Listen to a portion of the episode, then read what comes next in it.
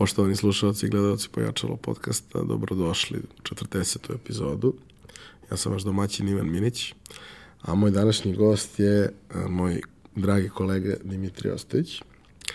I uh, često mi ovaj, prebacujete u komentarima da uh, su mi većina gostiju prijatelji, pa i oni koji nisu postanu kroz ovu celu priču i druženje koje ustoji ide. A, Dimitrije je kolega koji, s kojim nisam imao mnogo prilike da sarađujem, ali sam mnogo toga lepog čuo o stvarima koje radi, posebno od trenutka kada se profilisao za jednu, jednu određenu oblast koja, koja je sada na, na, na ceni. A, Dimitrije, dobrodošao. Bolje te našao, hvala ti što si me pozvao u Pojačalo. Uh, ideja da te pozovem se rodila otprilike u isto vreme kad si ti mene pozvao da budem tvoj co-host na konferenciji koju, koju organizuješ. O tome ćemo pričati kasnije, ali ono što bih voleo da napravimo kao nekakav uvod u priču uh, je to da m, ti si već prilično dugo u ovoj priči, ali ono što je meni vrlo interesantno je to da si ti uh, u celoj ovoj, da kažemo, priči negde digitalnog marketinga i digitalnog preduzetništva osoba koja vrlo otvoreno i konkretno i jasno priča o tome kako je menjala smer u kojem je... Svog delovanja. Tako je, u, koje, u kojem je delovala i kojem je, u kojoj je firma išla. Uh, i, i mogu reći da si u nekim od tih situacija vrlo smelo ulazio u stvari u koje možda bi neko ostao na nečemu što je sigurica, pa makar nemalo nekog prevelikog potencijala. Čini mi se da si sad ubo dosta dobar smer. A, kako si ušao uopšte u ovu priču i a, koji su negde bili prvi koraci, kako se priča razvijela i kad si prvi put skapirao da ovo, dobro je ovo, ali nije to to. Da, ali može mnogo bolje. Pa uh, mogu samo da kažem da sam ušao u celu priču pre sigurno nekih 13-14 godina, uh, poprilično davno i to sa drugarima iz srednje škole. Uh, moj kum koji je programer, koji radi kao profesor informatike sad u, u Mitrovici srednjoj školi, ja i isto moj prijatelj s kojim sam sedeo u klupi zajedno. Ovaj, nas trojica smo krenuli da tada još radimo na izradi sajtova i to je tad bilo ono kao broj jedan ovaj, što se tiče digitalnog marketinga i cele te priče digitale. Tad se ono sve radilo ručno, ovaj, pravio bazu podataka, sve se kodiralo ručno. Ja sam vodio taj deo ajde, pronalaženja klijenata, komunikacije sa klijentima, izrada pseudo koda za baze podataka, pošto sam to tad studirao, informacijne sisteme na ekonomiji.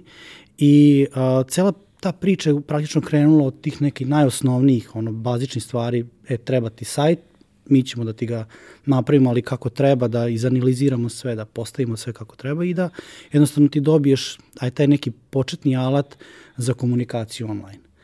I to je trajalo poprilično dugo. Cela ta priča je trajala poprilično dugo. Ja sam svo to vreme radio u drugim firmama. Radio sam pet godina u uvozu kao brand manager velikih brendova, uh, uglavnom pisaći pribor tipa Rotring, uh, ovaj, Parker. Uh, radio sam nakon toga uh, dve i po godine u firmi, uh, male porodične firmi koja se bavila proizvodnjom rasvete, gde je vlasnik te firme mene, mi smo u stvari njemu radili sajt i on je mene jednog godinu i po dana vijao da ja pređem kod njega da praktično vodimo celu priču. Njemu smo radili izgradnju brenda, pozicioniranje proizvoda na domaćem tržištu, ono, idealan kupac, to je bilo tamo negde 2008. 2009. kad je bila ona velika kriza baš u građinskoj industriji. Ovaj, I nakon toga sam radio dve godine u, u multinacionalnoj kompaniji, vodio sam marketing zajedno sa prodanim timom uh, za uh, istočnu Evropu, Afriku i Srednji istok u firmi koja se bavila reproizvodnjom tonera. Proizvodnja im je u, u Petroradinu i radili su uglavnom sve, sve izvoze. I nakon toga sam praktično, nakon dve godine rada u toj firmi sam odlučio da ono, dam otkaz, odem sa sigurnog posla i krenem u te neke svoje preduzetničke vode, pošto sam svo vreme imao tu neku ideju da hoću da budem preduzetnik i da hoću sam da gradim celu priču, zato što sam video prilike upravo ono što si ti spomenuo na samom početku, gde se može neke stvari uraditi mnogo bolje i gde, gde, gde postoji prostora na našem prvenstveno domaćem tržištu, da se neke stvari urade kvalitetnije i da se, pošto sam ja ekonomista, a, da neke stvari postavimo sa te ekonomske strane, da budu a, za klijente, jednostavno da im pokažemo kako oni mogu a, da iskoriste internet i online komunikaciju da bi došli do većeg broja klijenata, da bi povećali svoju prodaju ili jednostavno da bi otvorili neke nove kanale prodaje. Da bi napredili svoje poslovanje. Upravo to. A, faktički celo to vreme ti paralelno radiš ovo, ali Upravo to, to. je na neki način part-time, malo ozbiljniji hobi. Pa, taj malo zbiljniji hobi u nekim momentima zarađivao mnogo više para nego ovaj redovan, ovaj redovan posao i to je nešto što sam ja ajde ono, to je nešto što, što je meni dalo aj neki ve, ve, viši smisao toga, toga što radiš. I dobra stvar je bila što sam ja radio ove klasične poslove, kao komercijalista u marketingu i u tim svim firmama koje sam radio, zašto mi je to dalo uh, tu mogućnost da sagledam uh, prodaju iz više različitih uglova. Da vidim kako to izgleda offline, da vidim kako to izgleda u komunikaciji sa kupcima, da vidim kako to izgleda izgradnjenog brenda, ozbiljnog brenda na domaćem ili stranom tržištu i da jednostavno onda ta sva znanja vidim kako to mogu da iskomuniciram online da bi to sve ubrzali, da bi bilo jeftinije za klijenta, da bi bilo lakše i da bi jednostavno iskoristili te uh, benefite koje nam internet danas daje. Ja često volim da u tim nekim razgovorima sa ljudima koji čak i ako smo bliski ne mogu baš da pohvate šta sve ja radim, ni ja baš često sad već počinjem onako da se, da se ozbiljno gubim u tom procesu. Ali, znaš, vrlo često kao dođemo do nekih e, tema, ja ispričam neko svoje zanimljivo iskustvo, kao pa pobogu zašto si zašto znaš nešto o tome, zašto si to radio, zašto si probao to. Volim da probam. Volim da znam, volim da razumem i recimo jedan od ono, mojih omiljenih klijenata sa kojima jako dugo radim ovaj, je rekao da je razlog zašto su radili sa mnom, pričali su sa pet konsultanata koji su možda izvučnija imena, svakako u toj nekoj generalnoj populaciji jesu zvučnija imena od mene, kao ti si jedina osoba koja je zanimalo kako funkcioniše biznis. Da. Nisi nam pričao te napredne priče koje, do kojih ima mnogo stepenika koje moramo da prođemo. Ne, ti, tebe je zanimalo kako funkcioniše biznis na terenu. I ti si jedini dao predlog kako da se unapredi neka stvar koja se dešava na terenu, to uopšte nije tvoj posao. Pa kao, jeste moj posao. To jeste Znaš, osnova User experience, toga, da. customer experience nije samo da li je dugme lepo i da li je zeleno ili naranđasto, nego i u tome što Koja je kad ti fonta. dođe neko na vrata, taj neko treba da bude izbrifiran kako treba, pristojan, adekvatno obučen, pripremljen, da postoji određena vrsta komunikacije, da materijal koji nosi bude takav kakav treba da bude.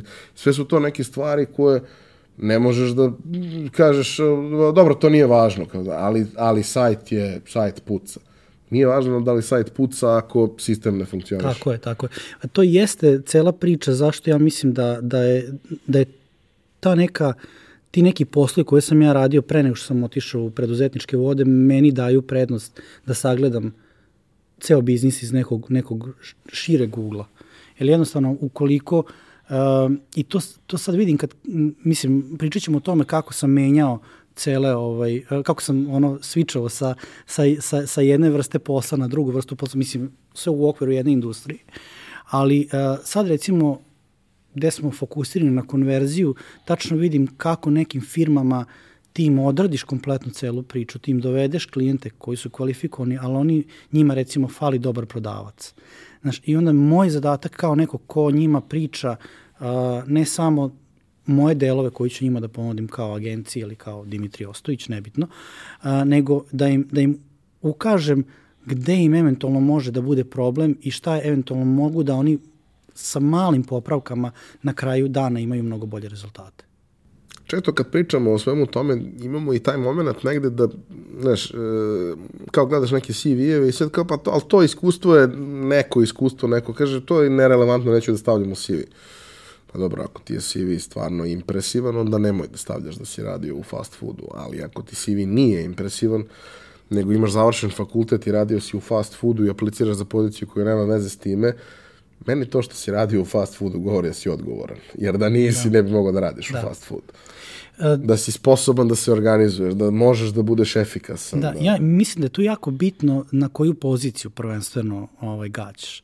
Uh, ono što ja sad vidim kao, ajde, kao neko ko vodi firmu i ko vodi tim, uh, kada biraš ljude na nekom, ajde, srednjem menadžerskom ili više menadžerskom nivou, uh, jako su bitne te soft skill način komunikacije i kako ti možeš da, da upravljaš sa ljudima. I tu možeš da jako puno toga i, i pročitaš i CV. Ja se dugo bavio muzikom, 20 godina sam svirao i vodio sam bendove neke i to je meni recimo bilo uh, sam način organizacije benda i organizacije komunikacije sa, ne znam, sa gazdama kafića gde treba da dogovoriš svirku je ono potpuno, potpuno ono jedna onako visok nivo komunikacije koje ja sad mogu da iskoristim to iskustvo i to znanje, recimo kad pregovaram sa klijentom kome treba objasniti neke stvari, a ti znaš da mu je to treba i znaš koliko će mu to, ovaj, koliko će mu to značiti, a može da mu spustiš na nivo da on može to da razume i da ide bukvalno korak po korak, da mu doziraš komunikacijom ovaj, sve te stvari da bi jednostavno on bio svestan koliko je to bitno za njegov biznis. E sad, hajde da krenemo da se bavimo tom pričom eh, kada si ti definitivno presekao i rekao dobro, siguran posao, 9 to 5, nema glavobolje i to neka želim sebi malo komplikovaniji Više. život, da. ali mogućnost da napravim nešto. Zašto bi onim preduzetnicima bilo bolje nego, nego meni? Jeste. da. A, kako si krenuo, od čega si krenuo, šta su ti negde, šta ti je bila neka strateška pozicija, kako si tražio ljude, ko su bili ljudi sa kojima si radio, na koji način si prosto sada kada imaš priliku da to ne bude part-time posao sa, da. sa spoljnim saradnicima, nego gradiš nekakvu priču, na koji način je gradiš? Pa, prvo, aj samo da se vratim jedan korak unazad, kako sam ja u stvari odlučio da, da kažem, ej, sad više neću da, da radim za nekog, idem sad, sad je vreme da, da uradim taj korak. Uh, ja sam bio na jednom predavanju uh, o digitalnom marketingu i jednu rečenicu koju sam čuo i meni onako, u to vreme sam ja malo zapostavio celu tu priču, da budem iskren. Više sam sad bavio sam se više muzikom, hteo sam malo još da, ono, da, da, da proživim još dok, dok, ovaj, dok imam snage za, za celu tu priču. Jer kad se opredali za preduzetništvo. Tako je, onda nema je, više ništa. Da. ovaj, uh, I um, bila je, uh, ti predavači su pričali o, o jednoj, jednoj priči kako je uh, spominjali su film uh, Spielberga, onaj suvišni izveštaj, kako Tom Cruise ide i njemu na osnovu što su mu skenirali oko, znaju ko je on i daje mu personalizovane ovaj, uh, oglase. I meni je to samo kliknulo. Ja sam rekao, ok, pa to je u stvari ono što nama treba. Zašto bi mi pričali, e, tad je već, tad smo već počeli da prebacujemo ovaj, sa TV-a, ono kad krenu reklame, da imao si kablovsko pa si mogo da šaltaš programe, pa ne znam, mobilni telefoni su uveliko bili aktivni i um, meni je to u stvari kliknulo da u stvari ta neka priča a, promocije je nešto što fali u Srbiji, odnosno u ovom regionu da se uradi kako treba. I e, tad sam shvatio da cela ova priča oko izrade sajtova jeste one time varijanta, ali ako ti uspeš da dobiješ klijenta sa kojim ćeš da radiš neku dugoročnu priču i da ti njemu vodiš brend, ono što sam ja radio offline sa građenjem brenda ovaj, u firmama u kojima sam tad radio, mi je bila ideja da to prenesemo online i da pokušamo da upravo to, da pronađemo tu osobu koja, s kojom ćemo da komuniciramo, da damo njoj šta ona želi i to će automatski da poveća prodaju ili napravi veću razliku za tu firmu. I tu je u stvari bio ne, neki prelomni moment kad sam ja rekao, aha, ja ću sad ponovo da se vratim na ono što me interesovalo, da se fokusiram na celu tu priču i da počnem da uh, jednostavno da, da se prvenstveno prvo sebe edukujem da bi mogao da vidim gde želim da idem. I a, prva stvar koju sam uradio je a, otišao sam na Google i googlovao sam a, googlovao sam ljude koji su najbolji u svojoj delatnosti u svetu za te stvari. I tu ne treba biti nešto puno pametan. Ono što kažu, najskuplji marketing je onaj koji sam, koga sam izmisliš. Uh, jednostavno sam tražio ljude koji su broj jedan u svojoj delatnosti i gledao sam koje oni alate koriste i koje oni programe rade. i počeo sam da pratim njihove podcaste. To mi je bilo onako najzgodnije. Pustim Koje podcast. godine pričamo? Uh, pričamo o 2000, uh, 2011. 2011. 2011. 2012. I onda sam bukvalno jednog godinu dana sam samo slušao podcaste i počeo sam da pišem blog. Redizajnirao sajt, počeo da pišem blog. Ideja mi je bila da jednostavno sa tim informacijama dođem do neke publike za početak i da jednostavno vidim šta, šta njih interesuje, a sa druge strane da radim na nekom svom, uh, na nekoj svojoj edukaciji, da vidim gde ću ja da se profilišem. Jer to je, prvo sam krenuo tih nekih opštih priča, tipa Social Media Examiner, uh, ne znam, Pat Flynn, to su bili otprilike ti koji sam ja na, na početku slušao i sad volim da ih, da ih, da ih poslušam s vremena vreme. I jednostavno sam onda gledao koga oni dovode u svoje u goste, ko su ti ljudi koji su broj jedan u svetu i onda sam gledao preko toga, no, jednostavno se raširi cela priča i na druge, na druge ljude sa, sa tih podcasta. I to mi je u neku ruku dalo taj neki, tu neku bazu, temelje na kojoj sam ja kasnije gradio svaki sledeći korak. Dužan sam da vam kažem da dinamika ovog i prethodnog, a može biti i narednog podcasta, nije baš idealna iz razloga što sam ja prehlađen, to je posledica ovaj, mog boravka u Kini, prehlađen sam i prosto malo više sečem ove razgovore nego što bi trebalo, jer mislim da nije poenta baš da me slušate kako kašljem, a onako vrlo kvalitetno i zrelo kašljem, tako da Dimitrije, izvini što, što te seckam Skroz toliko, okay. ali mislim da se dovoljno dobro razumemo da ne bi trebalo da bude problema. Elem, napravili smo nekakav intro, ali sad je taj trenutak u kome treba da pričamo o tome kako si zapravo ovaj, koje si korak je preduzeo naredne u celoj toj priči. Da. Pa kao što je ono svaki korak kod, kod, kod svakog preduzetnika, ono solopreneur, što bi ih nazvali ovaj, braća Amerikanci, uh, kada kreneš sam da radiš, ti to uglavnom krećeš iz kuće. Krećeš, ono, imaš svoju ne znam, radni sto, stolicu, kompjuter. Garažu, ko ima garažu. Ili ko ima garažu, taj, taj napravi e, Amazon, to, odmah. Da. Ovaj, I ja, pošto nisam imao garažu, ja sam krenuo ovako skromno, ovaj, skromno u krugu porodice i, ovaj, i tu praktično kreneš s tim, ajde, nekim klijentima, osnovnim klijentima, preporuke su uvek nešto što ti donosi, donosi nove klijente i ja a, sam za početak počeo da angažujem ljude na ono part time. 4 sata dnevno, ko, uglavnom copywritere, gde sam gledao stvari koje ja relativno brzo mogu da skaliram i za koje mi ne treba puno vremena da tu osobu naučim na koji način ja hoću da mi ona dostavi određeni, određene materijale. I to je radilo jedno vreme. E, I onda sam u jednom trenutku odlučio da e, prvenstveno vođen time šta me mrzi da radim. I, ili to, ili nešto gde mi je bilo potrebno da se uključi neko ko je značajno kvalitetniji od mene. Tipa grafički dizajn, tipa e, da imam baš neko ko će voditi društvene mreže, ali to mi je oduzimalo jako puno vremena. Ja, I vremena i energije i stalno Upravo moraš to. da budeš na oprezu, a nema potrebe da. za tim. I onda sam ja, ja sam odlučio, ako hoću da razvijem celu priču, ja moram jednostavno da nađem ljude koji će da sede sa mnom u kancelariji, ne u, kod mene u stanu, nego u kancelariji, i da jednostavno krenemo da gradimo to na nekom većem nivou, višem nivou. I onda sam praktično moje prve ljude koje sam zaposlio, samo zaposlio dvoje ljudi. Jednog dizajnera i jednog copywritera. I ono sa njima smo onda krenuli da radimo jednostavno da skaliramo to što smo do tad radili. A to su uglavnom bile uh, društvene mreže, malo komunikacije, uh, izrada sajtova i dalje ostala od, od onog ranijega, ali sad nije više bila samo izrada sajtova, nego izrada sajtova i održavanje tih sajtova sa, sa daljom komunikacijom. Kad imaš sajt, kako da ti on donese neki posao.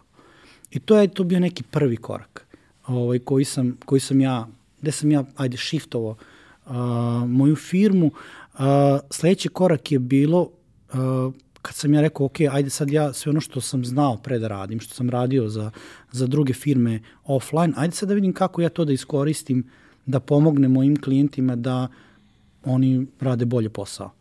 I tu sam došao uh, prvenstveno do lead generationa, odnosno kako da dođeš do novih klijenata koristeći određene kanale komunikacije i uh, kako onda te klijente da uz pravu uh, prave poruke, odnosno pravu komunikaciju prevedem iz nekog ko te je sad tek saznao za tebe u nekog ko će biti tvoj klijent, odnosno tvoj kupac. I da celu priču postavim na tim osnovama da bi tako pomogao klijentima mojim s kojim se ja radio, da oni imaju veću prodaju.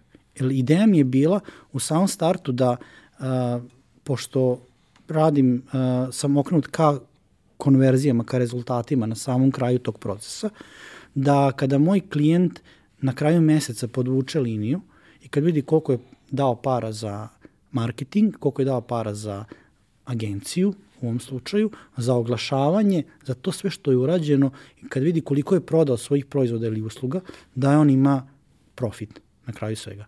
Jer ideja je bila, ako ti kao moj klijent imaš profit od toga što ti ja, što ti ja radim, kao nešto što pre nisi imao, ja ću uvek imati posla. I ti ćeš mene uvek angažovati zato što ti ja... I ti ćeš uvek imati preporuka. Tako je.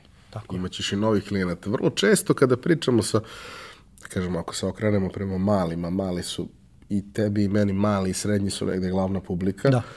Tu postoji mnogo nekih koraka gde čak možda ljudi i znaju da bi to trebalo da se radi, ali nema ko i nema kad i ne može da stigne i najstrašnije je kad ti izgubiš kupca zato što ne stigneš da odgovoriš na mail. Da. Nije to samo uh, nema kad, nego... Nema kad, možda ni svest o tome. Ne, okay, kada ali... kreneš da se baviš preduzetništvom i kada si ti vlasnik firme, uh, ti najmanje radiš ono što bi trebao da radiš. A najviše se baviš drugim stvarima, ono, tipa komunikacijom sa zaposlenim, uh, poreskom, uh, papirima, fakturama, plaćanjem i to jako puno oduzme vremena. Ili ne daj Bože sastancima. Ili ne daj Bože sastancima. A ovo je bila varijanta da ja kažem, ok, ili ćeš ti raditi to što radiš, a ja ću ti završiti cijel ovaj deo, ili ćemo da napravimo sistem koji će u stvari da radi za tebe, a to je već onaj tamo sledeći korak, gde onda se ti možeš da ili baviš razvojem biznisa na pravi način, ili da imaš nešto što će moći samo da ti u stvari razvije, razvije biznis dok se ti baviš stvarima koje, koje ti želiš. Ili čak ne moraš da se baviš, ti možda ideš ono na, na godišnji odmor da provedeš vreme sa porodicom. Ono što je meni posebno interesantno, na, na čemu bih voleo da, da, da se zadržimo malo više, je upravo to što kada radiš za male i kada radiš to na način da a, rezultat toga ne treba da bude da neko kaže jao što su oni super, ja, oni su baš super, ali ćete kupiti njihov problem, ali baš su super, da, oni su da. baš super ljudi. Mi ih pratimo na društvenim mrežama i lajkova smo. Ja, i mnogo lepa slika, da, kuća, ja. ono na slici je bilo sjajno. Da. Ali na kraju dana uh, ti ljudi žive od toga i oni su mali i ti sa vrlo skromnim budžetima i sa vrlo skromnom uh, da kažem, nekom bazom materijala, ono, multimedije, čega god u celom procesu, moraš da napraviš rezultat. Da, to je zanimljivo kod, baš kod no, mali i srednjih preduzeća. Meni jesu cilj, ono, ciljna grupa mala srednja preduzeća, prvenstveno zbog toga što uh, je meni bitna ta fleksibilnost i brzina. Jer ovo što mi radimo, ako se ti fokusiraš na rezultate, ti moraš nekad brzo da reaguješ uh, na promene iz okruženja ili na neke, neke signale koje dobijaš sa tržišta. Ako radiš sa velikim korporacijama, njima je ono mesec dana dok ne, se ne donese rok, dok svako to ne aminuje, dok ne dođe do toga i ti tu izgubiš taj momentum. Kod malih je to drugačije zato što ti imaš tu neku brzu komunikaciju sa donosiocem odluka i to je super. Ja volim ta, da radim tako. Sa druge strane, kod malih ti je jako veliki izazov upravo to, postići rezultate. Jer oni uglavnom svi imaju ograničena sredstva, oni uglavnom svi su fokusirani na konverziju, ne na branding, i ti jednostavno moraš, hteo ne hteo, njima doneti rezultate da ti njima budeš isplativ. Jer ti njima možda pričaš priče, evi kako smo mi sad sastavili tu. Ti moraš sebe da isplatiš. Ti moraš sebe da isplatiš. Isto kao sad uh, i ti ja smo baš pričali ovaj, uh, ono, kad, u toku Litkona o tome kada ti imaš malu firmu i agenciju, svako treba da zna odakle stiže njegova plata. Svako treba da zna šta si ti uradio konkretno da bi ti zaradio tu platu. Ne da bi je dobio, da bi zaradio. Tako i mi u agencijama ovog tipa mi moramo da zaradimo svaki, svaku tu fakturu koju izdamo. I to se najbolje vidi na kraju, na kraju mesa kada se podvuče linija. Kad kažem, aha, ja sam uložio toliko, ja sam ti donao toliko kontakata, od tih kontakata toliko i toliko ljudi je kupilo, evo ti konkretne brojke. I tu, tu nema laži, nema prevara. E, šta se dešava nakon toga? Sledeći korak je u suštini faza u kojoj ste vi sada. Da. I ta faza je nešto čime ćemo se više baviti. Bavit ćemo se i ovom prethodnom jer je ona do toga dovela i za razne ljude možda na prvu loptu to što ćemo pričati kasnije će biti malo previše napredno. Ali ajde da... Ok, ja ću probati to da objasnim jednostavnim, jednostavnim rečnikom. Uh, ono što sam ja video u tom trenutku uh, kada smo radili ajde, društvene mreže i tu neku komunikaciju je da uh, agencija kao agencija mora da uh, uloži jako puno resursa da te stvari radimo na nivou na kom sam ja zahtevao da, da to bude ka klijentu. To je značilo puno istraživanja, puno komunikacije sa klijentom, klijenti su needukovani, pa moraš da ih edukuješ, pa onda gomila stvari, onda se dese tako neke situacije da ti odradiš ceo deo, ceo, ceo svoj posao i onda oni zakočena zato što recimo klijent nema dobro prodajni tim, nema dobrog prodavca. I onda sam ja uvideo da ako zaista želim rezultate na kraju dana, u prodaji, ja moram nek, na neki način još više da pomognem tom mom klijentu da on te rezultate i ostvari. Bez toga da, je to, da to zavisi od njega lično ili od njegovog tima. I onda sam opet Google, YouTube, podcasti, traži, gledaj ko su najbolji u, u industriji. Onda sam došao do termina marketing automatizacije. I pošto sam, ja jako volim da koristim e-mail u komunikaciji, meni je to bilo prirodno da, da prvo se fokusiram na e-mail marketing automatizaciju, gde sam u stvari video da kroz celu tu priču ja mogu da a, pronađem najbolje, a, mogu slovno da kažem, a, najbolje načine komunikacije za tog klijenta, da li kako to radi njegov prodavac, najbolji prodavac, ili da vidimo kako to radi od njegove konkurencije najbolji prodavac i da jednostavno mapiramo tu komunikaciju, da je preslikamo i samo da to iskoristimo kroz online kanale. Preslikamo i adaptiramo. Upravo to, adaptiramo online kanalima komunikacije. Da li je to e-mail, da li je to chatbot, da li je to e, društvene mreže, da li je to neki oglas, znači nebitno koji kanal komunikacije biramo, koji je naravno adekvatan za to klijenta, ali da jednostavno iskoristimo te neke najbolje uh, komunikacione ovaj, tehnike šta radi njemu najbolje da bi on zaključio posao i da te sisteme postavimo tako da to radi 24-7. Da se ti kao vlasnik firme baviš razvojem biznisa, ideš na te sastanke koje da li su ti ok ili nisu ok, već od tebe to zavisi, ali da e, ili da se baviš tim nekim početnim koracima, da samo uvučeš ljude u proces, da dobiješ njihove kontakt podatke i onda će sistem u stvari da na najbolji mogući način iskomunicira sa tom kao potencijalnim klijentom i dovedete na kraj puta da ti kupiš taj proizvod. Ja volim da marketing automatizaciju opišem, to je način na koji mi dajemo našim potencijalnim klijentima mogućnost da biraju svoj put komunikacije da bi kupili naš proizvod na kraju. A kada pričaš o tome, ja pravo da ti kažem, verujem da, da za značajnom broju publike to deluje abstraktno. Jer e, vrlo često, naročito danas gde je to toliko napredno, uh, ti ni ne znaš da ne pričaš sa osobom sa druge strane. Tako je. To je toliko dobro izmodelirano da tebi to zaista izgleda verno. Posebno mislim na engleskom, ajde, kod nas da. nema baš mnogo slučajeva da to možeš da sretneš, ali na engleskom... Kod nas je malo teže zbog jezika, ali generalno na engleskom da. Ono što je... Uh, kako bi ono plastično opisao? Ja kad sam bio klinac, ja sam volao da čitam uh, jako puno stripova. I ovaj, obožavao sam ono, o, kad izađe onaj strip sa više, za, sa više završetaka. I sad recimo ti kad čitaš, pa se ne znam, ono, ne znam, Mikija Valmanah, Paja Patak, ne znam, pukne mu guma na kolima, pa kaže ako želiš da on sam promeni gumu, idi na stranicu 35, a ako želiš da je naduva, sad idi na stranicu 42. E, bukvalno tako funkcioniše marketing automatizacija, email marketing automatizacija. Znači, mi uh, pokušavamo da imitiramo jedan na jedan komunikaciju sa potencijalnim klijentom tako što njemu dajemo mogućnost izbora. Da on kaže, e, mene to interesuje. Ne interesuje me ovo drugo. Da li te i, i jednostavno i ti kroz celu komunikaciju treba tako da se postaviš da mu daš opcije za, za izbor. Kada on izabere to šta njega interesuje, onda ga vodim u tom, u tom smeru. Sad ti ja sedemo da pričamo i, i sad, ne znam, ono, pričamo ti voliš košarku ili voliš futbal. I ti kažeš, ja, ja volim košarku, ja neću pričati o futbalu, nego ćemo da pričamo o košarci. Bilo, znači, bilo koja, koji način komunikacije, koji offline, jednostavno ga prebacujemo ga online i samo koristimo neke druge kanale komunikacije. Hajde da probamo na nekom konkretnom primjeru da vidimo kako to zapravo izgleda.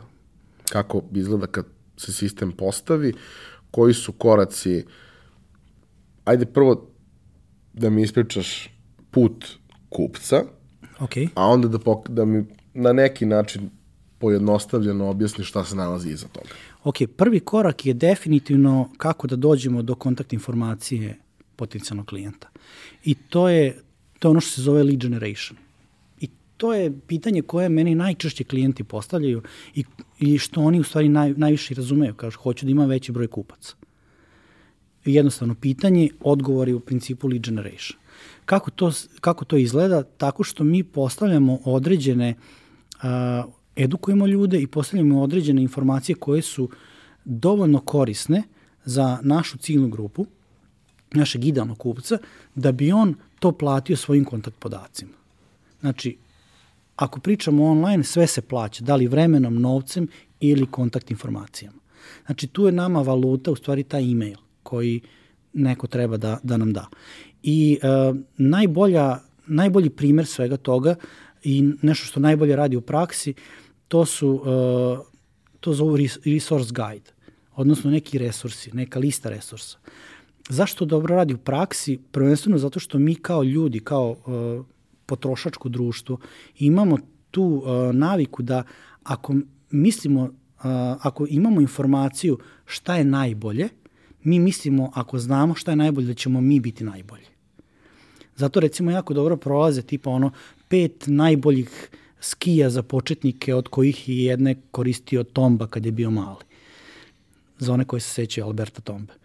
Ovaj, ili tako neke, ovaj, tako neke dokumenti. Sad ja ako, ako sam skijaš početnik, pa mene će to interesovati.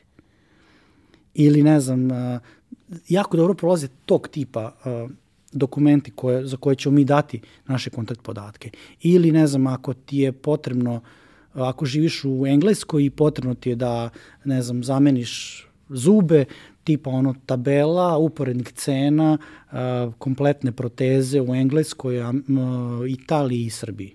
Recimo za Uz možda Srbiji. neke zanimljive podatke, Tako zadovoljstvo.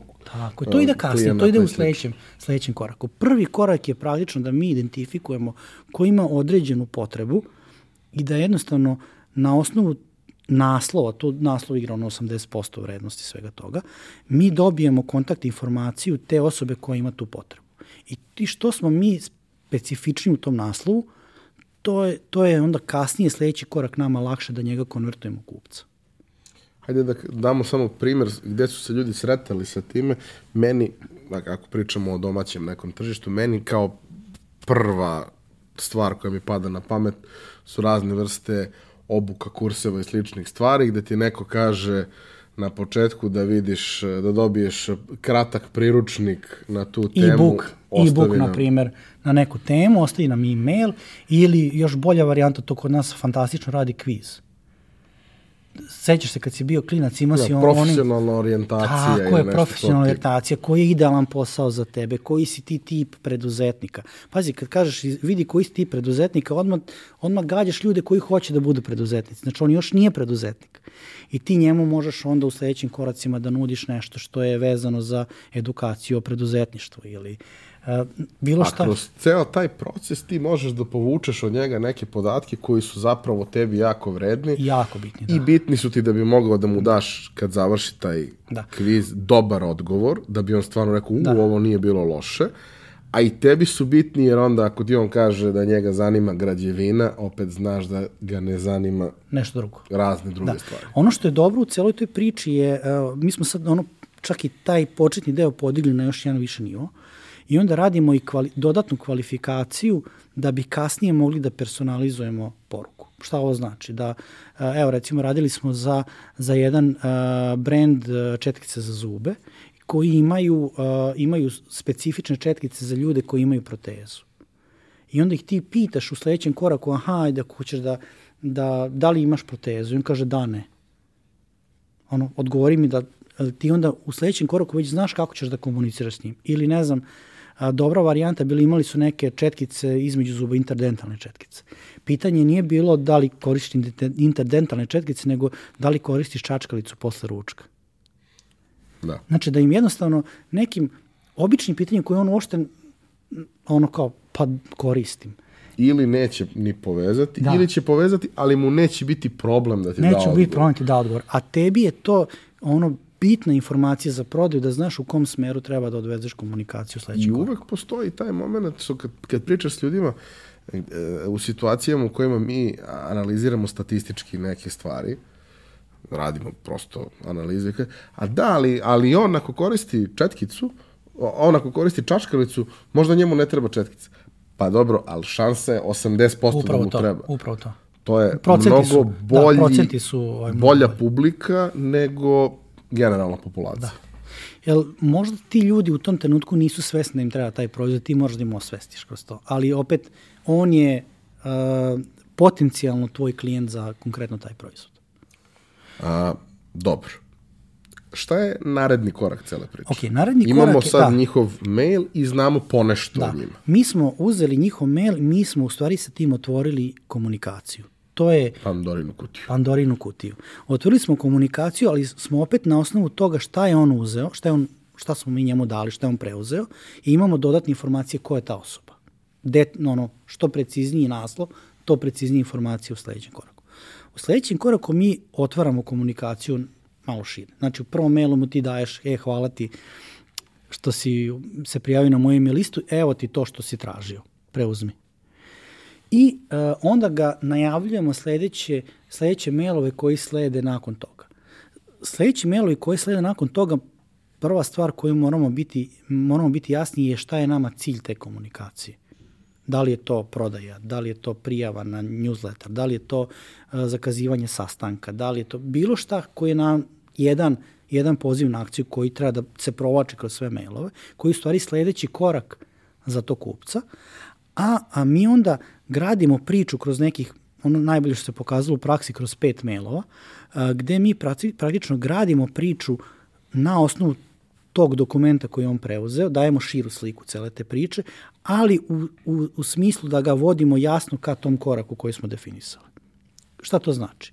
Evo sad, ako je ta osoba rekla nama, preuzela je, ne znam, e, načine kako se idealno peru zubi kod dece od 1 do 3 godine, ti onda znaš da je to roditelj, znaš da brine o, o oralno higijeni i znaš da mu možeš da ponudiš određene proizvode koje su vezane za taj proizvod. E sad ti kada imaš tu informaciju, ti onda njemu kroz sve ostale mailove ili kroz chatbot, sve zavisi koji si kanal odabrao, daješ mu dodatne informacije, edukuješ ga, zato što je edukovan klijent najbolji klijent.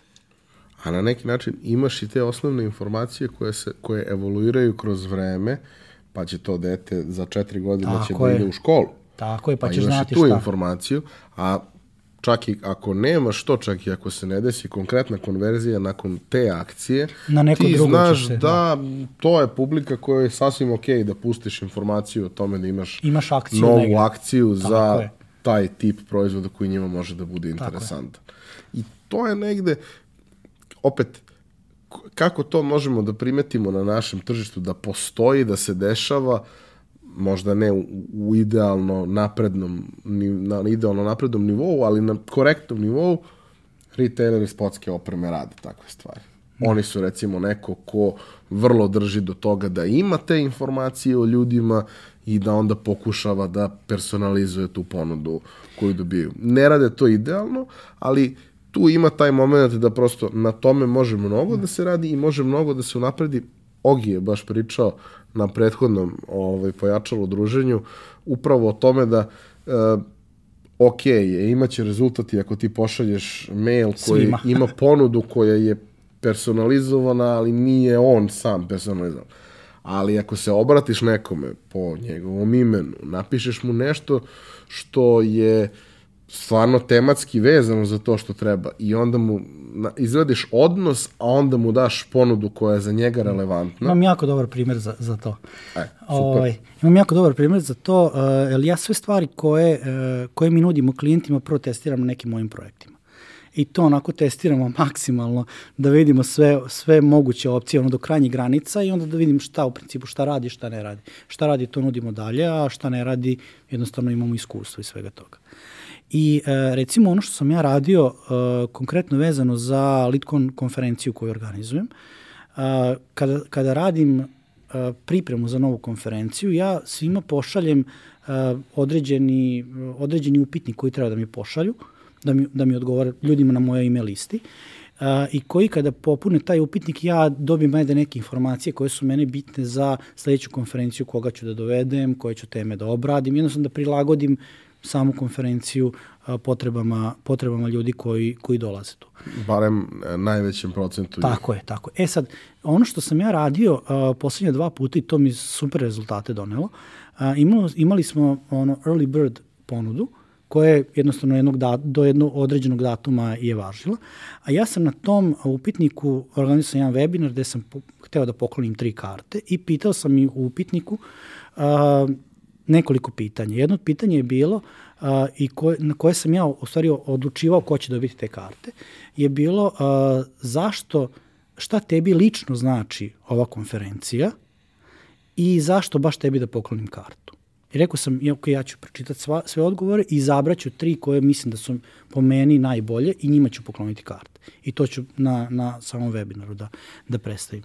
I e, ja sam imao negde oko 350 odgovora, onako, to su to otvoreno pitanje da ljudi zaista moraju da napišu u stvari da iz, izbace emociju zbog čega, šta je njih emotivno vezuje za tu konferenciju. Dobio sam sjajne odgovore. I emotivno šta ih vezuje, a i koja su neka njihova, Njihova, očekivanja. Da, da. E sad, šta je tu dobra stvar? Uh, prva stvar koja je sjajna što ti dobiješ jako, dob, jako dobar kopi za tvoje postove koje ti daš samo copywriteru i on uzme to i prebaci, govoriš njihovim rečima. Ali ono što je još bolja stvar, kroz celu automatizaciju, ja sam te odgovore njihove sačuvao kao custom field u mom sistemu, vezan za njihov email, kao jedno polje vrednosti određenog polja i uh, u poslednjem mailu koji je bio pred gašenje tog popusta i sam bukvalno napisao, ej, ja sam te pre nedavno pitao šta bi tebi lično značila konferencija, evo šta si mi rekao. I bukvalno sam povukao to šta su oni, njihove reči. Svako je dobio svoje reči, šta je, zaš, zašto njemu lično znači ova konferencija i zašto je bitno da on se pojavi tu. I nakon toga je išlo, evo, ističe za tipa ono, 24 sata, early bird, iskoristi priliku. I to je pravilo nenormalne konverzije.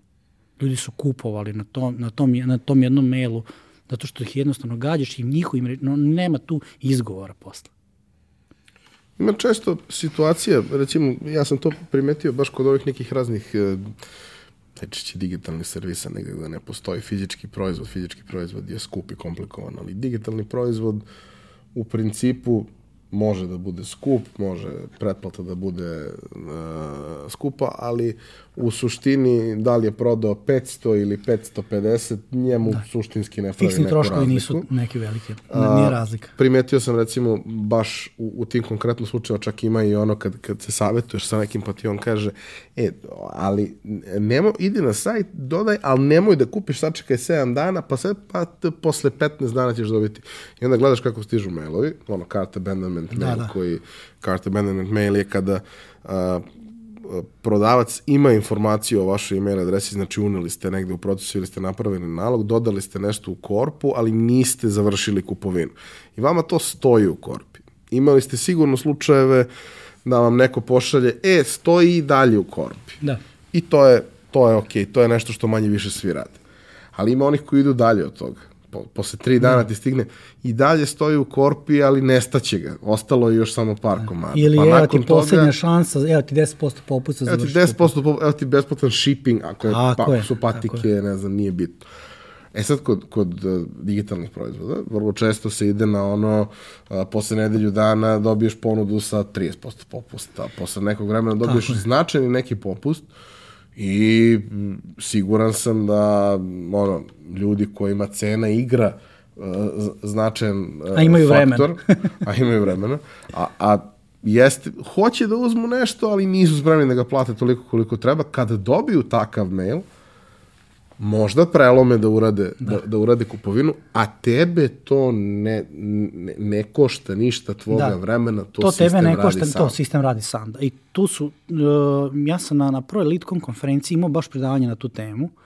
Uh, bila mi je preda, predavač bila Ana Jakobsen iz, iz Dripa i ona je bukvalno pokazala sistem za jednu, jednoj firmi gde su imali a, dodatak, dodatno profit na godinu dana 100.000 dolara samo zbog toga što su ubacili tri maila na karta bandom. A pritom, mislim, da pojasnimo i taj deo, mislim, pričat ćeš ti više šta je ispod haube svega, ali sistem je takav da on hendluje situacije koje se dese. Dakle, ako neko, ako neko do, dobio je taj mail, klikne, ode, neće dobiti, ako je završio Tako prvi, je, neće je, dobiti da. sledeći mail. Sistem zna da Sistem je on zna. Pa zato što on prati bukvalno sve- Jer sve nije korake. poenta da nekoga tučeš u glavu i nakon što je završio A, kupovinu. to je, mada ima da, slučaj. to je, ovaj, to jeste neka uh, razlika između onog klasičnog email marketinga, Spama. ne samo smo, baš klasičnog email marketinga koji nema te ta pravila i marketing automatizacije. Zašto marketing automatizacija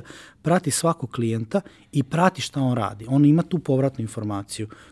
Kod, klasičnog email marketinga i to se radi jako, po, za- zato stvari ljudi misle da email marketing umire i već godinama umire nikako da umre, on je sad sve jači i jači. Ovaj, zato što ljudi, uh, ako ga rade kako ne treba, oni bukvalno te gađaju do besvesti sa svim informacijama. Ali i dalje imaju rezultate. Imaju rezultate Samo je stvar u tome da radi. bi to moglo da bude neuporedivo Tako je, tako je. Ali mislim, i ljudi se okreću i spamovanju, što ne treba da radite i protivno je zakonu, ali ljudi to rade zato što to funkcioniše, Tako zato što je. to donosi rezultate.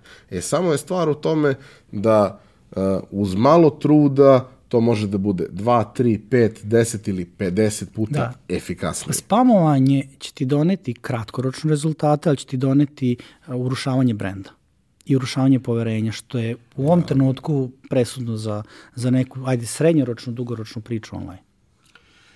Uh, hajde sad malo da se pozabavimo šta se zapravo nalazi ispod haube. Uh, zašto ti to pitam? Vrlo često kada se priča o tome se jako mistifikuju sve te stvari. To pa to mora sajt da bude, to mora da ludilo, mora ovo, mora ono. Sve mora. Zapravo većina tih stvari, ako se posmatra upravo iz onog ugla iz, iz koga smo se negde postavili u startu, a to je da je taj sajt jako važan, da je on sredstvo da se nešto desi, a ne nešto što ćeš pokazivati prijateljima kao tvoj ponos. A, šta, su, šta su koraci, koji su alati, šta postoji ispod haube i koliko je to zapravo jednostavno ili komplikovano? Pa ja bi, ja bi prvenstveno rekao da je sajt a, sredstvo za otvaranje komunikacije. A, I informisanje. informisanje da ti vidiš neke osnovne informacije i da kada pokažeš želju za sledećim korakom da otvoriš komunikaciju. Evo samo ću te prekinuti na trenutak jer imamo jako lep primer iz jednog od prethodnih gostovanja kad je bio Istok Radovanov koji je pravio drvene naočare za sunce, one pre Ajver. On je recimo imao vrlo zanimljiv tu moment, oni su to kako je dizajnerska priča, sve je bilo upeglano, slatko, lep sajt, sve super. I kaže, super je to sve, sajt je dobar, jednostavan, uh, kupovina je vrlo prost proces, pojednostavljen, maksimalno koliko može ljudi nađu na sajtu i ljudi pišu na Instagram i žele da kupe ili pišu na Facebook i šalju link i kažu ovo hoću da kupim. A kao samo kliknite dugme, ne, ne, ne, ja, ja ovde hoću to da kupim. I ti negde moraš njima, mislim, ne moraš, ali ako želiš da, da imaš maksimalan rezultat, moraš da pratiš i da izađeš njima u susret. Tako je. Onako tako kako je. oni hoće da se to tako desi. Je. Uh, mislim, sve što se radi u automatizaciji, ti praktično moraš da testiraš različite kanale i da onda pustiš ljudi da odluče. Upravo što sam ti rekao, ti njima daješ mogućnost da oni odluče kojim će putem da idu da kupe tvoj proizvod na kraju. A tebi se to manje više sve na isto A ti, ti kad ih post, postaviš, meni je svejedno da li će on naz, nazvati telefonom ili će otkucati na sajtu ili će mi poslati putem chatbota. Ako ja sve te stvari mogu da uvežem u jednu priču, što da ne? Ako možeš da ih spakuješ, da osoba je, koja treba je. da ih pregleda, kada dođe do toga da neko treba nešto da pregleda, ako uopšte Da, e, to je recimo jako dobra, jako dobra priča ako pričamo o automatizaciji kada recimo prodaješ neke proizvode koji su skuplji. Na primjer, imaš proizvode koji koštaju preko 10.000 eura. I gde je potreban taj neki uh, posljednji korak gde će ti doći prodavac i pružiti ruku i, i reći je čestitam, kupio si. Uh, Ili će ti pomoći što se tiče instalacije, kastamizacije, neke od bilo tih šta. stvari. Znači, gde je potrebna ta neka ljudski faktor na kraju da dođe da zaključi priču. I tu se recimo radi, uh, tu se radi ta eksterna automatizacija, ona, to je komunikacija od sistema ka klijentu, to kako mi njemu šaljemo mailove, poruke, bilo šta. I radimo tu internu automatizaciju od sistema ka našem zaposlenom ili ka tom komercijalisti koji treba da uradi.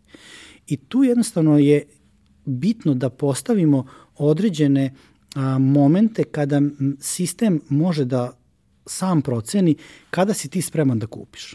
Na primjer, evo daću ti konkretan primjer. Radili smo jednog klijenta koji je prodavao a, mašine za sušenje voća. Dobro. Košta 12.500 eura mašina. Mislim, ozbiljna cifra. Ali smo mi imali recimo tako napravljen sistem gde, gde, gde je bilo bitno da ga dovedemo na sastanak kod klijenta, zato što je on znao sve procedure kako da završi sa fondovima, sa svim tim da ti u suštini dobiješ jeftinije tu mašinu koja košta toliko. I imali smo sistem da je, da je on znao kako da završi tipa da dobiješ od države 70%, ti država plati 70% te mašine. I to je, složit ćeš se, super informacija Vajdic. za nekog ko će, ko će da kupi. Razumeš, on, zašto ne bi uštedeo par hiljada eura? Kupi kola polovna za te pare. E sad, šta smo mi radili? Mi smo postavili taj osnovni lead magnet, znači taj prvi korak kako dolazimo do kontaktne informacije, da kažemo, e, evo ti tri fonda u Srbiji koje ti daju podsticaj za poljoprivredna gazdinstva koje se bave voćarstvom. I sad ti, ako si preuzeo to, te, ti, se, ti si gazdinstvo, ti se baviš voćarstvom i tebe interesuju fondovi da ti država hoćeš da investiraš u nešto. Mislim, to su tri informacije koje ti već imaš o tom, o tom klijentu. On preuzme listu sa, sa linkovima ka tim fondovima i ti ga kasnije u sledećim koracima mu pričaš više o tome i kažeš mu kako u stvari, ako baš imaš voćarstvo, kako ti je bolje da uložiš u mašinu zato što ćeš onda imati plasman, imaćeš, ne znam, moćeš da prođeš skuplje svoje proizvode, dižeš značajnu cenu. Plus trajnija je cela priča. priča. I poziv na akciju je zakaži sastanak, ja ću ti pokažem kako ćeš dobiti 70% te mašine ti država da. I ti kad postiš takav sistem, taj ko klikne na to da zakaži sastanak, on zakazuje sve online, sve se završava online, sve automatizovano, ali sistem u tom trenutku e, ne samo što komunicira sa klijentom, kaže da, zakazao si za utorak u toliko i toliko sati sastanak, nego kontaktira tvog komercijalistu i kaže, ej, Pera iz, ne znam, ono, Mošorina je zakazao sastanak tad i tad zbog toga i toga. Ovo su ti sve neke relevantne sve informacije njegove, koje mi njegove informacije, mi znamo da je on da je on iz poljoprivrednog gazdinstva, da ga interesuje to, da hoće da da iskoristi fondove i ti već imaš ulazne informacije za taj ti si super pripremljen za taj sastanak. I ti kad dođeš na taj sastanak, tebi ti samo treba da odradiš ono svoju magiju i da zaključiš posao i nenormalno ti štedi ceo posao. Onaj ko će da preuzme to i ne klikne za kazivanje sastanka, on možda nešto nije toliko ozbiljno. Možda nije sad, možda će biti sledeće godine. Ali to ali znači ti, nastiš, da ti ne možeš za 7-8 meseci ili za je, nas, da nastiš da, da komuniciraš sa njim i da on možda onda odreaguje kad, je, kad bude spreman. Kad god ima neka relevantna informacija, to je nešto da. što može da mu se... Ti prosto za, za svaki od tih mailova koji, koje potencijalni klijent primi, imaš niz parametara na osnovu kojih da. možeš da postavljaš pravila šta će tako se dešavati tako dalje. Je. I svako Ako pravilo vodi u drugom smeru. Ako vidiš da on nije pročitao tri maila za redom, možda ne treba više da mu pišeš. Tako je. Ali ako vidiš da čita svaki bez obzira što nije odreagovao, ok, to je onda možda bolje da se Pazi, nastavi. ja sam imao klijente koji, uh, koji mene prate od 2014. su na moje listi. Čitaju sve moje. Ja mogu da odem da vidim tačno ko je otvorio mail, ko je kliknuo, ko čita. I oni su tek sad, recimo, im je ono, kliknulo da hoće da me, da me angažuje za neke stvari. Kaže, bukvalno sam imao, kaže, ja tebe pratim već toliko i toliko godina, bio sam to, kupio sam neke tvoje proizvode digitalne. Znaš, i ti tu možeš da vidiš u stvari kako je, uh, ima jedna jako, jako dobra ovaj, um, ono, rečenica za sve koji se baje prodaju. Kad mi u stvari hoćemo da, da povećamo prodaju, kad imamo viška proizvoda ili kad nam treba par, ali šta je suština u svemu tome? Ako si ti spreman sad da prodaš svoj proizvod ili uslugu, možda tvoj klijent sad nije spreman da kupi, ali kad je on spreman da kupi, ti moraš biti spreman da prodaš. E tu u stvari uskače marketing automatizacija, da je ona uvek spremna da iskomunicira na pravi način s tvojim klijentom i da tebi pošalje eventualno povratnu informaciju, e sad ga nazovi. Evo ti njegov broj telefona, ovo je ono što ga interesuje, ovo je ono što je on sad rekao da ga sad, sad mu treba, sad ga nazovi, znači će sad završiti posao. Ili nećeš, ali su šanse da se to desi Mnogo veće. mnogo veće.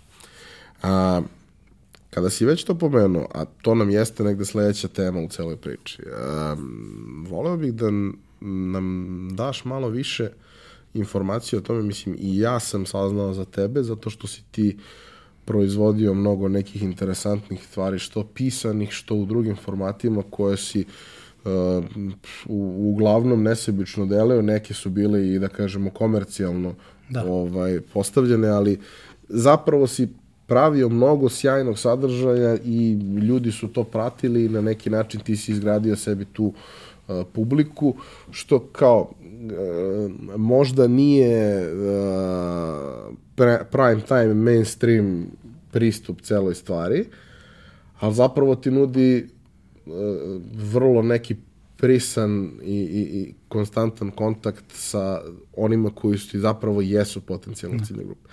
A, pomenuo si da si krenuo da pišeš blog od samog starta. Šta si još radio i kako je to dovelo do Litkona koji je, koji da. je tema kojom ćemo se da. dalje baviti. Pa ja sam pisao dugo blog i onda sam, mislim, iskreno ja nisam bio neko u srednjoj školi koji je ovo da piše.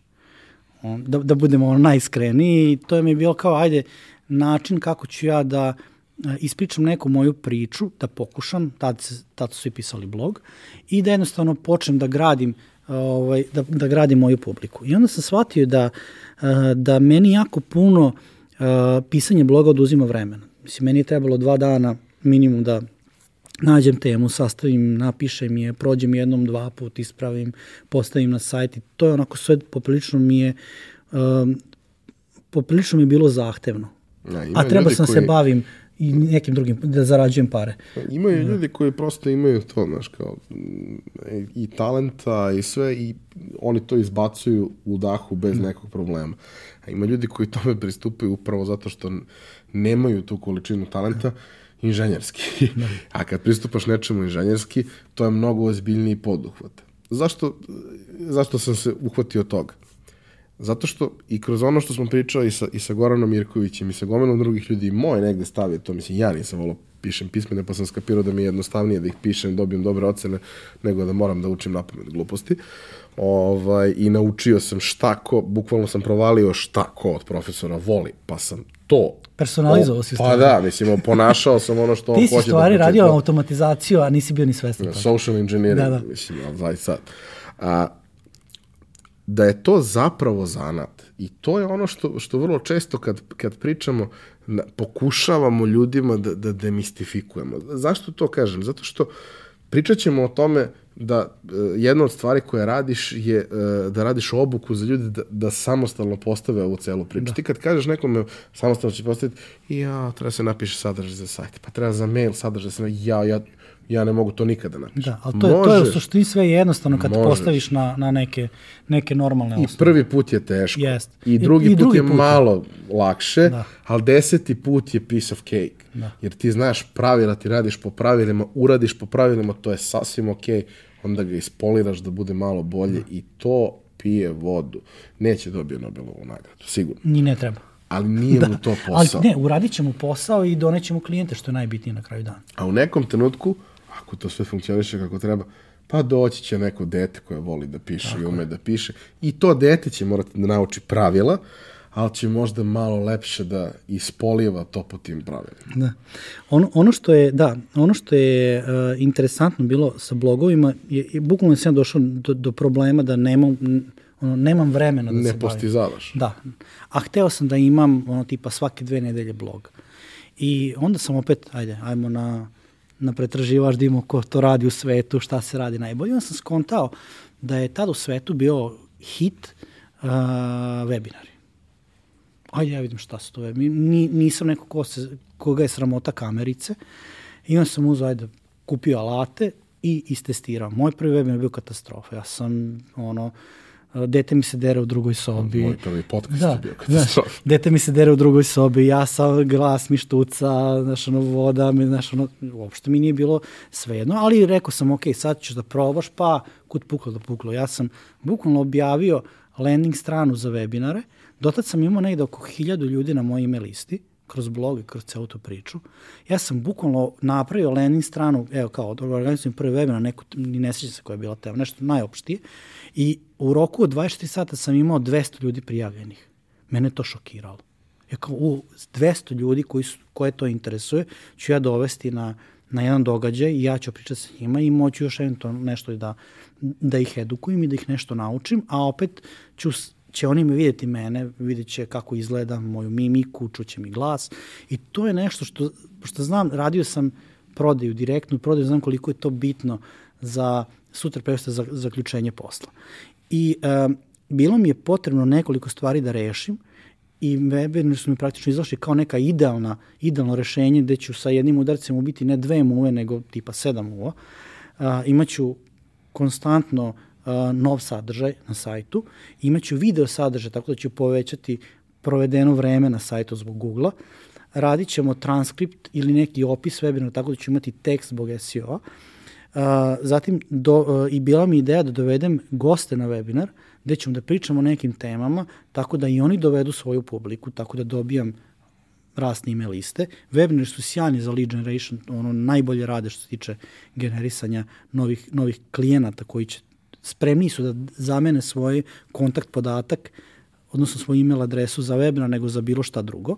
Kada to kažeš samo da, da, da napravimo uh, tu distinkciju, to, ok, to ima smisla i u ovom našem servisnom poslu gde su to neke usluge koje ti radiš pa sebe brendiraš, pa to, ali to ima smisla i ako si ti lupam zubar i treba da pokažeš ljudima tako kako je, se održava je. četkica tako ili je. kako se održava bilo šta, bilo šta mislim, kako prodaješ, se... prodaješ, ne znam, delove za poljoprivredne mašine.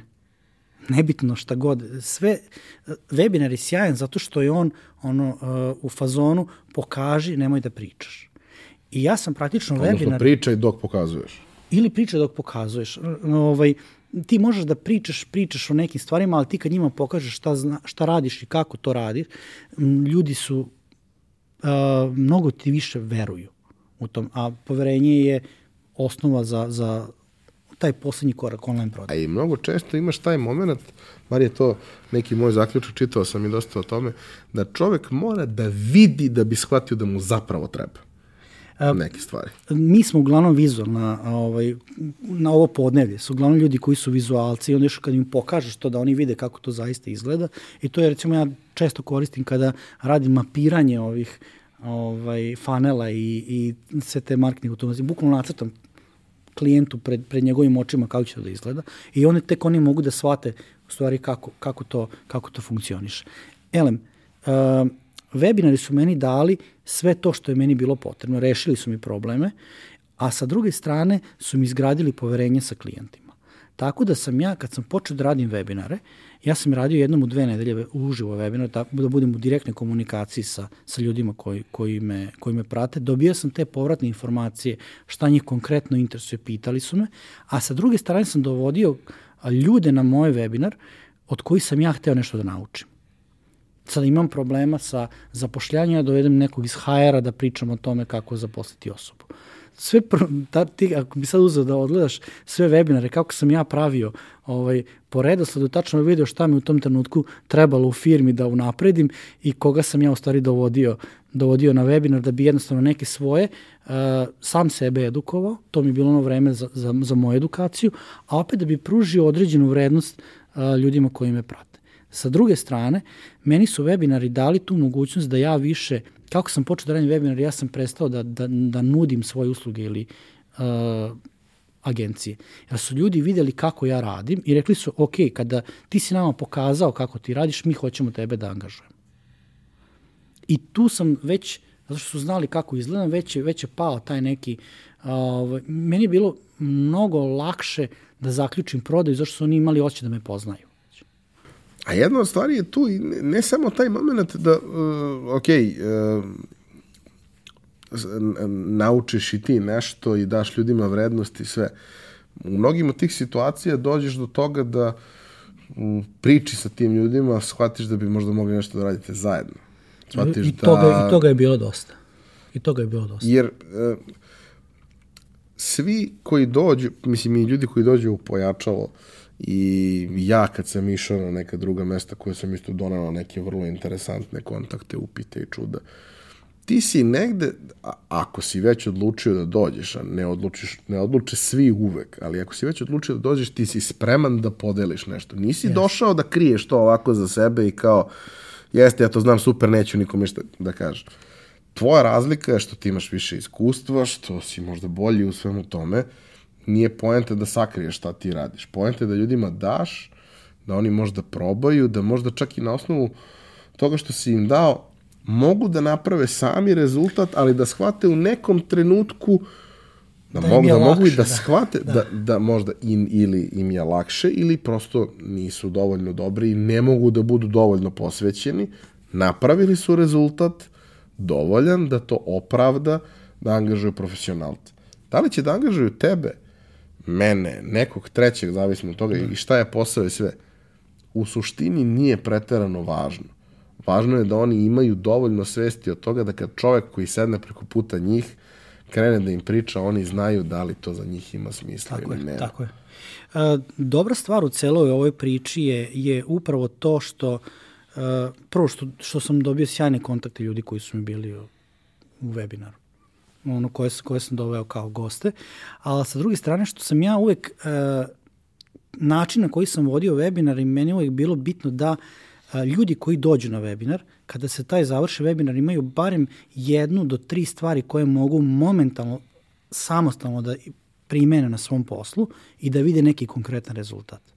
Tako sam formulisao i pitanja, tako sam formulisao, vod, birao i goste. Jednostavno da, evo, sad, sad smo imali uh, seriju od osam webinara pred, pred konferenciju gde sam ja gomilu stvari naučio za sebe i za moju agenciju koju nisam znao. Da sam doveo bukvalno takve ljude koji su meni bili bitni da neke stvari postavimo edukacijono na, na ovom tržištu, a opet sa druge strane da i mi nešto saznamo što možemo da iskoristimo. Mislim da je jako važno to kako si rekao da, da tu uvek postoji neki takeaway koji je vrlo konkretan, ali da, da se uh, postavi u startu priča na, na jednom zdravom, uh, realnom principu. Zašto? Zato što vrlo često bilo da su u pitanju besplatne stvari ili da su u pitanju stvari koje se plaćaju, ljudi očekuju da će uh, za tih sat vremena naučiti nešto Sve. što je neko učio 10 godina. To se neće desiti. Tih sat vremena, pola sata, 45 minuta, 2 sata, služe da ti daju to nešto, da upale negde ako ima neka lampica. Ili da ti pokažu gde možda tražiš. Nekad je okay, to ona... I to da. je paljenje lampice, to je svest da nešto postoji, bazičan mehanizam, razumevanje bazičnog mehanizma kako funkcioniše, smernice gde da gledaš dalje. I zašto je to bitno za tebe? Ono I ti na osnovu toga već možeš da postaviš priču. Kreneš od nečega shvatiš u nekom trenutku, e, ne mogu ja ovo da učim.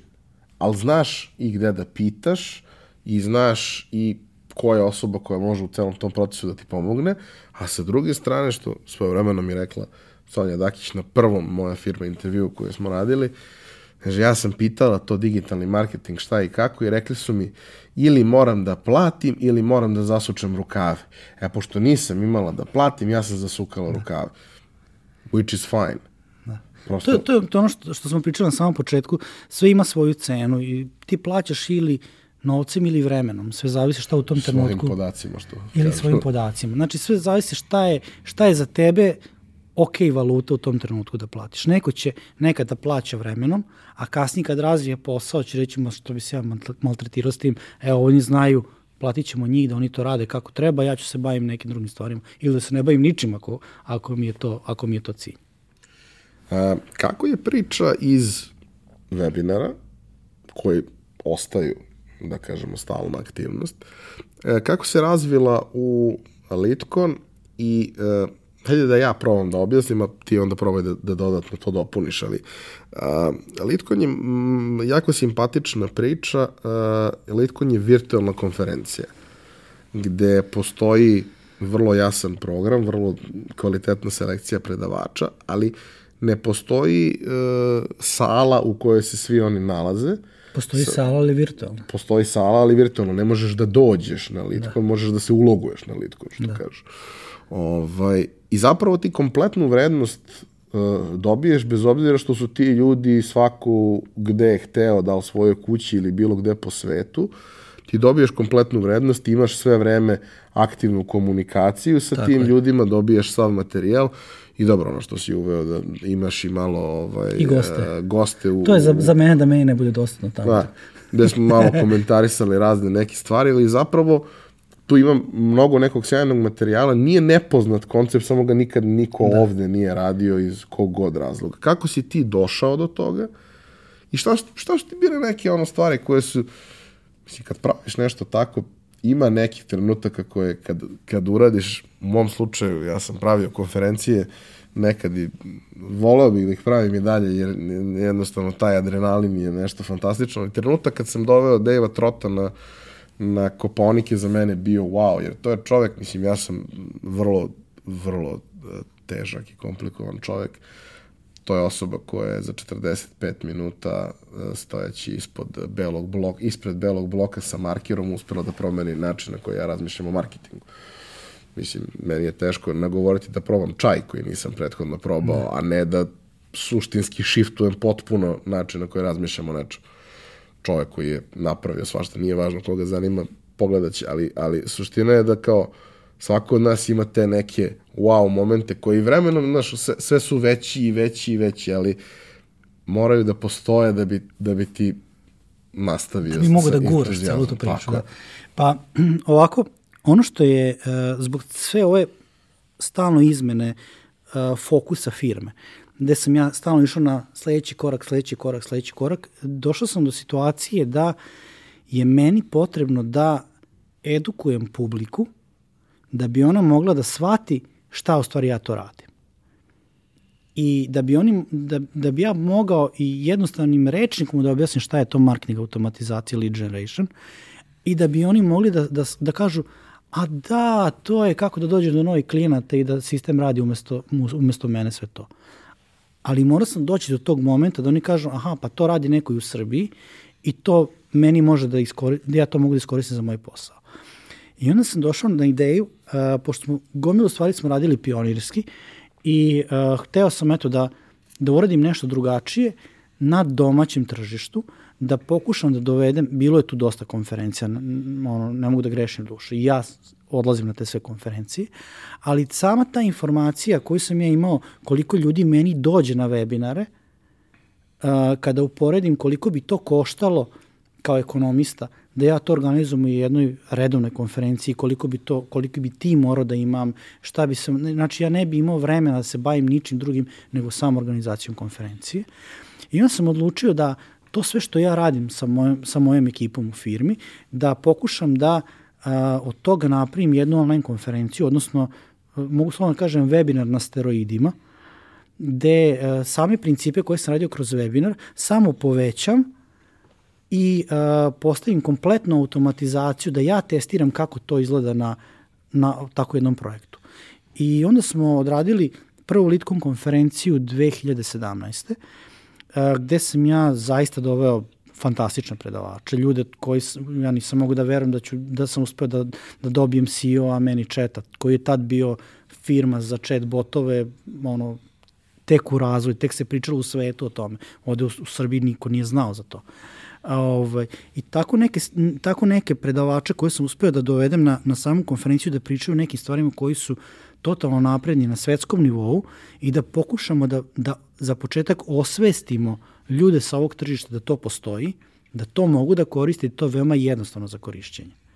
E, celu priču, kako sam ranije vodio webinare, da svaka, svaki webinar mora imati neke e, konkretne stvari koje možeš da iskoristiš bez obzira koliko znaš o marketingu, e, sam primenio na konferenciju da je svako predavanje moralo da ima tako neke momente, a sa druge strane sam uradio nešto što mi je uh, falilo na domaćim konferencijama, a to je taj neki zaokružen koncept jedne konferencije da ti kad gledaš svako predavanje posebno ti ima vrednost, ali kad gledaš sva predavanja zajedno ti daje mnogo veću vrednost, daje ti sinergiju i daje ti koncept cele, cele te priče. I to sam sve okrenuo oko lead generationa i marketing automatizacije. Tako da prva dva, tri predavanja uvek pričaju o tome kako da dođeš do novih kupaca, kako da ih dovedeš na svoj sajt ili kako da ti ostave svoje kontakt podatke. Dalje onda pričamo o tome kako da kreiraš sadržaj, kako da komuniciraš s tim ljudima kroz različite kanale. Onda imamo jedan deo koji je vezan za prodaju, za online prodaju, kako da kad si već sad doveo ih, uzo njihove podatke, kako da im prodaš. I poslednji deo je vezan za te neke nove tehnologije ili alate koje ti eventualno možda iskoristiš da unapređeš svoj biznis na nekom višem nivou manje više eksperimentalni deo. Pa nije ni toliko eksperimentalni, to je nešto, to je nešto je, što je recimo validirano u svetu, a još nije došlo kod nas. Tako da sam recimo prošle godine imao, pr, na prvo je bio priča o chat botovima, na drugoj je bila priča o ovaj, o website personalizaciji, na ovoj trećoj je bila priča o online konferencijama.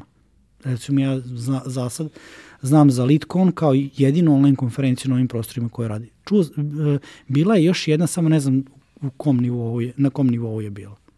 Na neki način cela ta priča o edukaciji deluje prilično zaokruženo. Uh, ono što si prošle godine uveo, sa čime bih volao da, da, da završimo ovaj deo priče i uh, uđemo polako u, u odjavu, je uh, ok, jedna stvar je ti daješ ljudima neku informaciju, daješ im vrednost, daješ im uh, početno znanje koje im je potrebno za nešto, ali na neki način dosta je važno da ti uh, da, da, se, da se ukaže mogućnost da ih neko provede kroz uh, celu priču i da im da uh, nekakav uh, ok, da im da vrlo konkretno primenjivo znanje, ali da sa njima prođe kroz njihov slučaj, kroz njihov primer i na neki način im... Da ih povede. A, da ih, da ih povede, da kada dođu do izazova bude tu da te izazove reši da. i da može da, da se gura dalje. Ti si prošle godine uh, krenuo sa, sa kursom. Taj kurs uh, svoje drugo izdanje e, doživljava upravo ovih dana da. i za sve zainteresovane negde do 14. oktobra 14. mogu, da se, mogu, mogu biti prijave, da. Mogu da se prijave. Uh, kurs je uh, vrlo detaljan, vrlo obiman, vrlo zahtevan u smislu da ako stvarno hoćete da radite, treba da se prijavite jer ima tu i domaćih zadataka. Ima, ima puno domaćih zadataka. Ima svašta nešto, da. ali zapravo kurs nudi mogućnost da ti za, za dva meseca prođeš stvarno od početka do kraja celu stvar, dobiješ model gotov koji samo treba da pustiš i da. funkcioniš. Ajde mi napravi intro uh, zašto kurs, a onda šta je kurs, koji su moduli, uh, za koga je namenjen da. uh, i na neki način ono što je isto vrlo važno, uh, šta za one koji nisu sigurni kako oni da, da, da pristupe celoj stvari? Ok, um, ove godine imamo, ove godine smo organizovali treću online konferenciju LeadCon i uh, praktično sa, sa ovom godinom smo mi odlučili da celu tu priču oko LeadCona dodatno osnažimo kroz edukaciju, jer smo videli da e, je e, naše tržište postalo zrelo za jednu ovakvu edukaciju.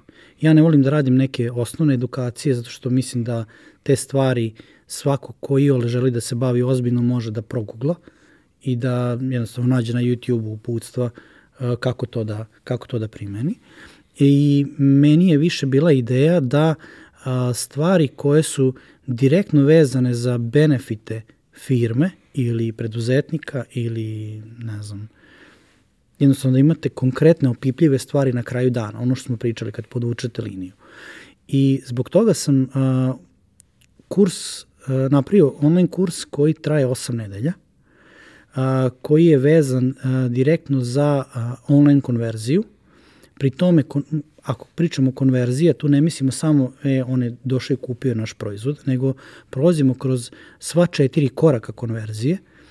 A, ono što sam ja recimo video na ovom tržištu da se uglavnom agencije bave samo prvim korakom konverzije, odnosno kako da dovedu ljude na vaš sajt.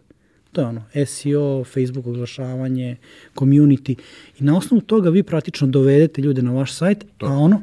Evo ti ih pa... Evo ti, Aj. evo ti, to mogu da ti prodam, ovo su brojke, toliko sam ti doveo ljudi na sajt i to direktori marketinga ili razumeju, on vidi brojke, imam sad 10.000 ljudi na sajtu, mi je došlo ovog meseca, a šta su oni uradili Nemam pojma.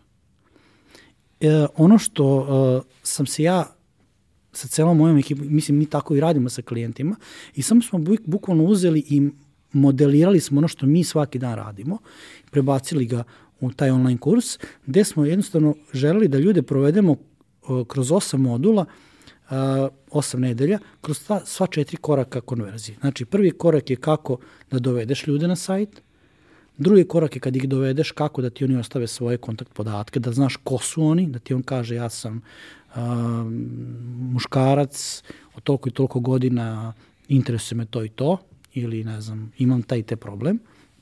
Zatim, u trećem koraku kako da kad imam sve te informacije o tebi, imam tvoje kontakt podatke, kako ti prodam kako da definišem moj proizvod, da definišem cenu, da ga pozicioniram i kako da, da, da ti kupiš taj proizvod.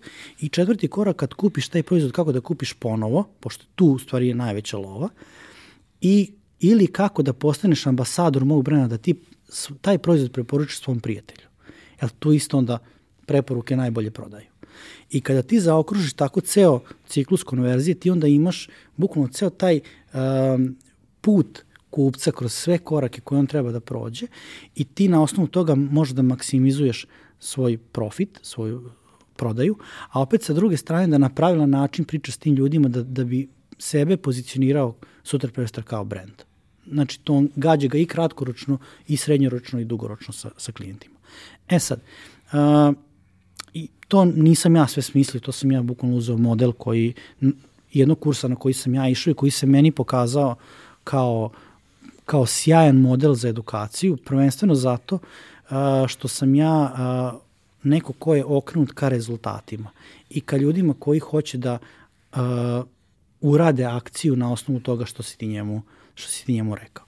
I onda mi je bilo bitno ne samo da ljudi prođu kurs, nego da ljudi urade nešto sa tim kursom. Da oni kada završe tih osam nedelja da oni imaju kompletan projekat u rukama, svoj projekat u rukama, na svojim proizvodima ili svojim uslugama i da ga tokom kursa dok ga primenjuju već povrate tu investiciju koju su dali u kurs.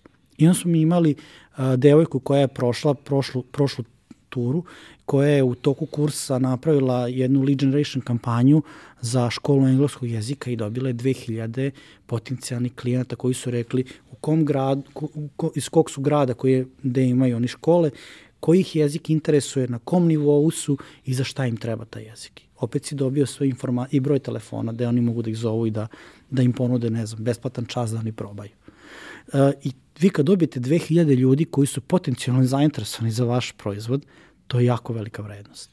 M su potencijalno zainteresovani za vaš proizvod, M ti daju informacije na osnovu kojih ti možeš da oblikuješ novi proizvod koji nekome treba. Tako Znaš na što da se usmeriš. Da, kaže, treba mi za posao, treba mi za... Što kažu, ako je nemački za medicinu, to svi to. znaju šta je. Ali, mislim, bukvalno, taj ko je prvi krenuo time da se bavi je sigurno od toga kupio barem jedan polova nemački auto. Pa, I ovaj, ono što je neka, neka, nek, neki, uh, ajde ono, highlight celog, cele priče je da uh, svi polaznici na početku moraju da popune određeni upitnik, da biraju projekat na kome će raditi to, uglavnom njihov projekat. Ako ga nema, mi im damo neki projekat koji mislimo da na osnovu odgovora može da odgovara najviše njima.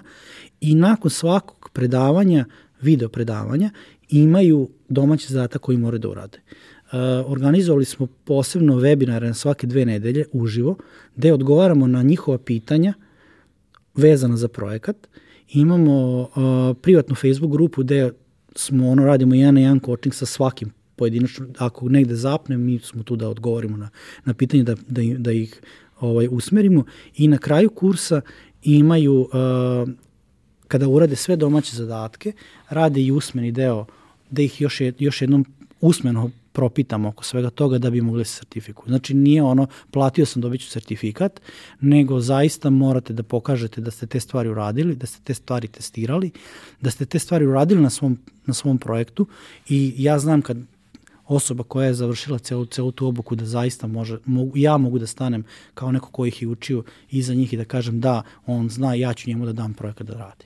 U suštini, na taj način postavljaš stvar tako da onaj ko je stvarno zainteresovan treba da se prijavi. Onaj ko nije može da vidi da li je to nešto što mu se čini da, da, da oseti, ali da ako vidi da je to previše zahtevno, može da odustane. Da, u principu dali smo tu varijantu, ja, ja garantujem 100% ovaj, sa, sa zadovoljstvom kursa i zbog toga smo mi i dali tu neku garanciju tipa ono, nakon prva dva modula, ako gledaš, kaže da to nije za tebe, mi vraćamo vraćamo 100% pare bez ikakvog pitanja, zato što ako ti sebe ne vidiš u celo to, ako to tebi pre zahtevno ili ti je preteško za tebe, mi ćemo to bukvalno secirati na najosnovnije stvari.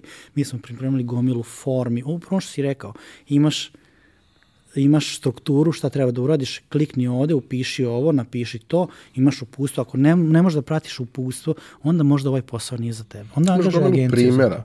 Tako je. primjera kako nešto da. funkcioniše koje treba da adaptiraš za sebe. Za sebe. E sad, nekad je dobro i da a, možda neko neće se baviti tim, ali mora da ima svest o tome. Upravo to što kaže, kad sedneš da pričaš sa nekim ko ti to nudi, da znaš šta da mu tražiš. I ono što sam ja recimo primetio, a, da meni u poslednje vreme najviše ljudi koji kupuju kurs su upravo ljudi koji imaju firme. Koji se možda neće baviti time, da li će angažovati nekog interno ili će imati informaciju da bi pregovarali sa agencijama. I ono što dolazimo u situaciju je da a, se, doćemo u situaciju praktično kao u turizmu, što ti dođe neko u ne, neki hotel i dođe kod lokalca i kaže odvedi me na, na to i to mesto, on nema pojma da se to dešava. Ovo je pre toga pročešljio internet i saznao je sve šta ima o tom. Znači, dolazimo zaista u situaciju da se ljudi edukuju, da hoće da znaju gde daju pare i da hoće da znaju šta ti da li ti njima garantuješ rezultate i da li ti stojiš iza toga što ti prodaješ. I mislim da je to neki a, jako velik a, izazov agencijama koji se bave digitalnim marketingom, da moraju da se edukuju isto u ovom, ovom smeru, zašto ja, ja konkretno sad primećujem od ljudi koji dolaze na moj kurs da oni jednostavno hoće da imaju te informacije da bi mogli da znaju šta, šta traže. Hvala ti Dimitrije. Mislim da smo dali neke vrlo korisne i upotrebljive insajte ljudima, nešto o čemu treba da razmišljaju. A, vi, dragi slušalci i gledalci, sve potrebne informacije možete da nađete u opisu klipa, u transkriptu na sajtu. A, tebi hvala što si bio. Hvala tebi što si me pozvao. Nadam se da vam je bilo interesantno, jedva čekamo vaš feedback i kao i do sada molimo vas da iskoristite sve adekvatne ove lokacije da, da nam ga pošaljete. Hvala na pažnji i još jedno izvinjenje što moj glas nije baš u najboljem stanju i što smo možda malo morali više da seckamo epizodu nego što bi nego što bismo voleli. Kako bi se ovako dugo družili?